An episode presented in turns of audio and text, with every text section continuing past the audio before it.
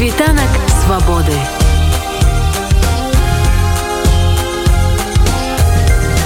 Спіць вольнасці падзеі ў Казахстане дакладніх наступствы выглядзе расійскага вайсковага кантынгенту ў краіне прадэманстравалі рашучасць. Дыктатур бараніць адна адну са зброі па меркаванні грамадскага дзеяча аўтара планаў эвалюцыі і біблія пратэсту алеся стральцова для ўкраіны зараз надзвычайна небяспечнае становішча і рэальная пагроза ўварвання расійскіх войскаў прычым з боку беларусі якая на прыкладзе Казахстану красамоўна на справе дэманструе сваю гатоўнасць воевать на баку России.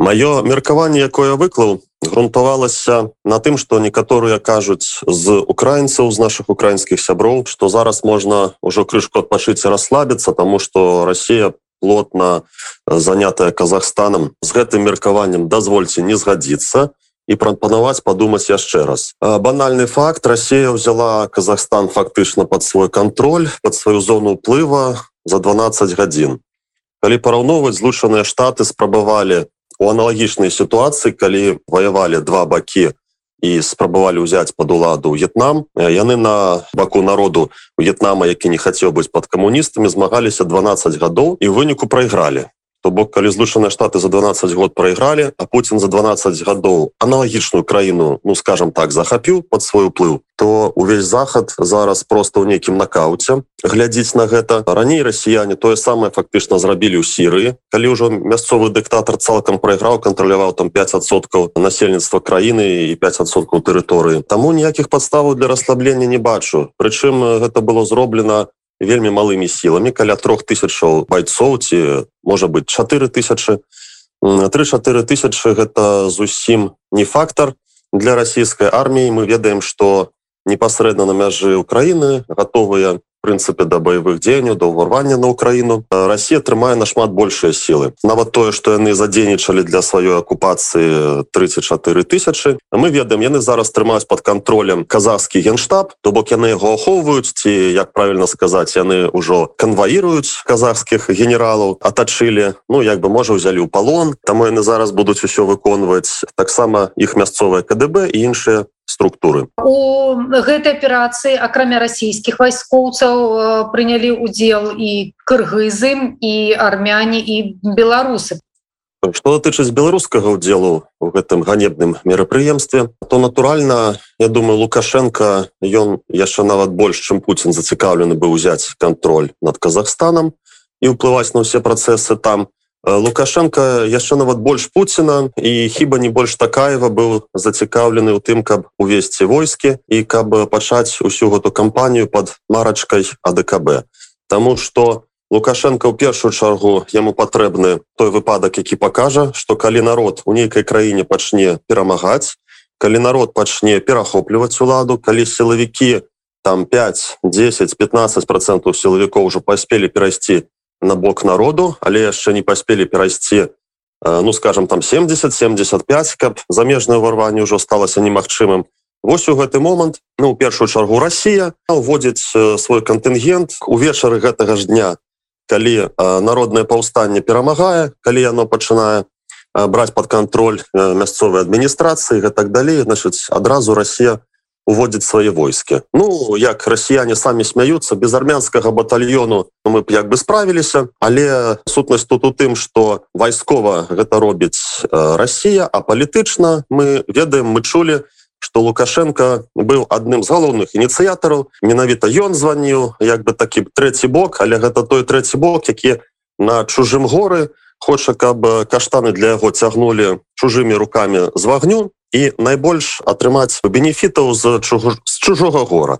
І зараз мы апынуліся ў сітуацыі что калі лукашенко напрыклад пачне в украіну слаць войскі у выпадку нейкіх канфліктаў беларусы пачнуць там гінуць пачнуць прыходзіць труны. Беларусі будзе велізарнае узбурэнне як бы як самім фактарам існавання дыктатара так і яго палітыкай.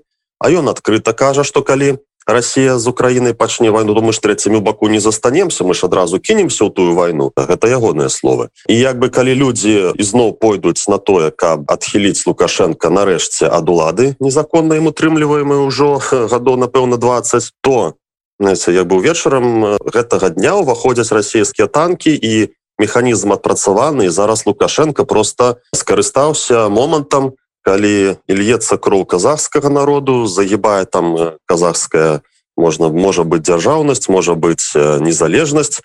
Ну а ён зараз прабачце ў дамках ёсць такія меркаванні что насамрэч Росіі зараз не патрэбна ніякая вайна тому что Росія знаходзіцца не ў лепшым эканамічным стане. І ну наўпрост не мае не хопіць грошаў каб разгортваць такія сур'ёзныя вайсковыя падзеі і на казахскай тэрыторыі і калі ўзяць Украіну то на Украіне тому что відавочна Украіна яна будзе ладзіць моцны супраціў гэтай атакі і не толькі толькі Украіна Ну я асабіста лічу что Украіна аб'ектыўна мае найбольшы шанец менавіта адбіцца адбіцца нават сілавым чынам і можа быць дзесьці расійскія войскі пасунуцца наперад на некалькі кіламетраў Ну як бы гэта лінія баёў але там ёсць ну як мінімум з боку лнр днр з боку крыму ёсць мінныя палі гэтак далей то бок там падрыхтавана для расійскага ўварвання а з боку беларусі гэта іншае пытанне. І калі мы дарэчы ўжо размаўляем про верагоднасць того куды Росія далей кіне свае войскі і свае высілкі то зараз под навялікшай пагрозай знаходзіцца якраз Беларусь. І карыстаючыся нагоды каб два разы не ўставаць я б мог яшчэ раз тады звярнуцца з прапановай абдумаць сваю пазіцыю до наших украінскіх сяброў. Таму что тое что я чую десяткі ўжо разоў я чу ад, ад розных украінскіх каментатараў что ну Беларусь уже краіна не існуе яна ўжо страціла свой суверэнітэт яна часткова даядналася до Росіі Беларусі няма Беларусі гэтак далей. Я лічу гэта не до конца прадуманай пазіцыяй і для Украіны шкоднай і вельмі некарыснай. Таму что калі мы возьмем аналогію калі Савецкі Союз захопліваў Эстонію Латвію літву і гэтак далей то ну скажем так адказныя краіны сур'ёзныя ну кшталту ЗША яны якую пазіцыю бралі яны бралі такую пазіцыю что хлопцы ну як там Савецкі Союз гэта не ваша мы ніколі не прызнаем гэтае вашим мы будем з гэтым змагацца. Калі мы зараз не можем з гэтым змагацца вайсковым то мы гэтым будем змагацца палітычна там ідэалагічна і гэтак далей. І гэта ніколі не будзе вашим не было вашим і некалі гэта не стане вашим Вось гэта была адказная пазіцыя краіны нават калі б ужо скажем так у беларусі там увялі генерал-губернатарства. То бок гэта не ваше гэта скрадзеная вами і гэта з часам як толькі мы зможам мы зробім усё каб гэта было вернутае беларускаму народу. Гэтая пазіцыя адпавядала б тым часам і сітуацыі з бяспекай Украіны Таму что дадатковы фронт з поўначы беларускі гэта якраз той фактор які можа вельмі негатыўна паўплываць на баявую сітуацыю калі яна будзе разгортвацца. Як вам падаецца у такім выпадку якія крокі павінна зрабіць зараз кіраўніцтва Украіны і для ўзмацнення абарона моцы сваёй краіны? І вось у свеце таго што вы сказалі у адносінах з Беларусю. Ну как прэзідэнтам быў я так скажем жанр Ну давайте на месцы прэзідэнта Украіны і іншых прэзідэнтаў постсавецкіх якія зараз знаходзяцца под пагрозай ад Росіі я не выключаю і Латвію і літву. Я б зрабіў сумесную заяву якая была б супрацьвагай заяве краін АДКБ я б сюды уключыў значит натуральна усе балтыйскія краіны і пастараўся імкнуўся б уключыць Украіну Азербайджан і іншыя краіны нават не выключаючы і Арменію Таму что вось спадар пашынян ён як-то згаджаецца на ўсё можа быть і тут згадзіцца. І гэтая заява казала б ясна і адкрыта супрацьлеглую пазіцыю. То бок як бы тыя краіны мінулага былога ссср якія выйшлі з яго якія сёння жывуць у нармальным стане у адэкватным стане у дэмакратычным стане яны б заявілі сваю пазіцыю адрозную і сказалі б ну як бы былыя наши браты там Россия Беларусь э, ну тая самая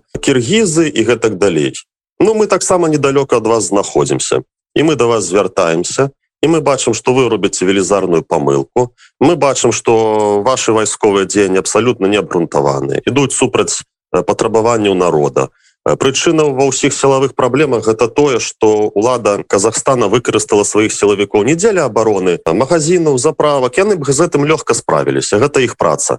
Але яны выкарысталі ўсе наяўныя сілавыя структуры краіны каб захоўваць сваю ладу і каб максімальна засланіцца ад любых патрабаванняў народа.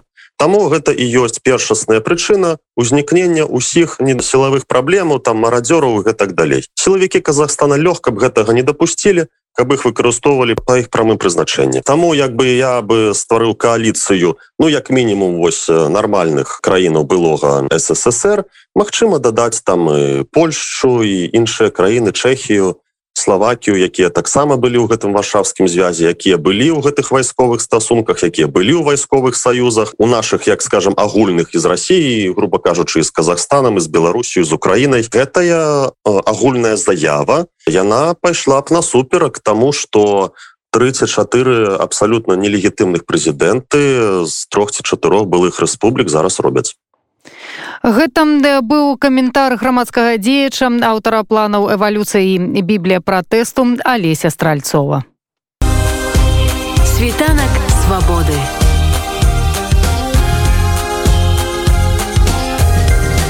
Світ вольнасці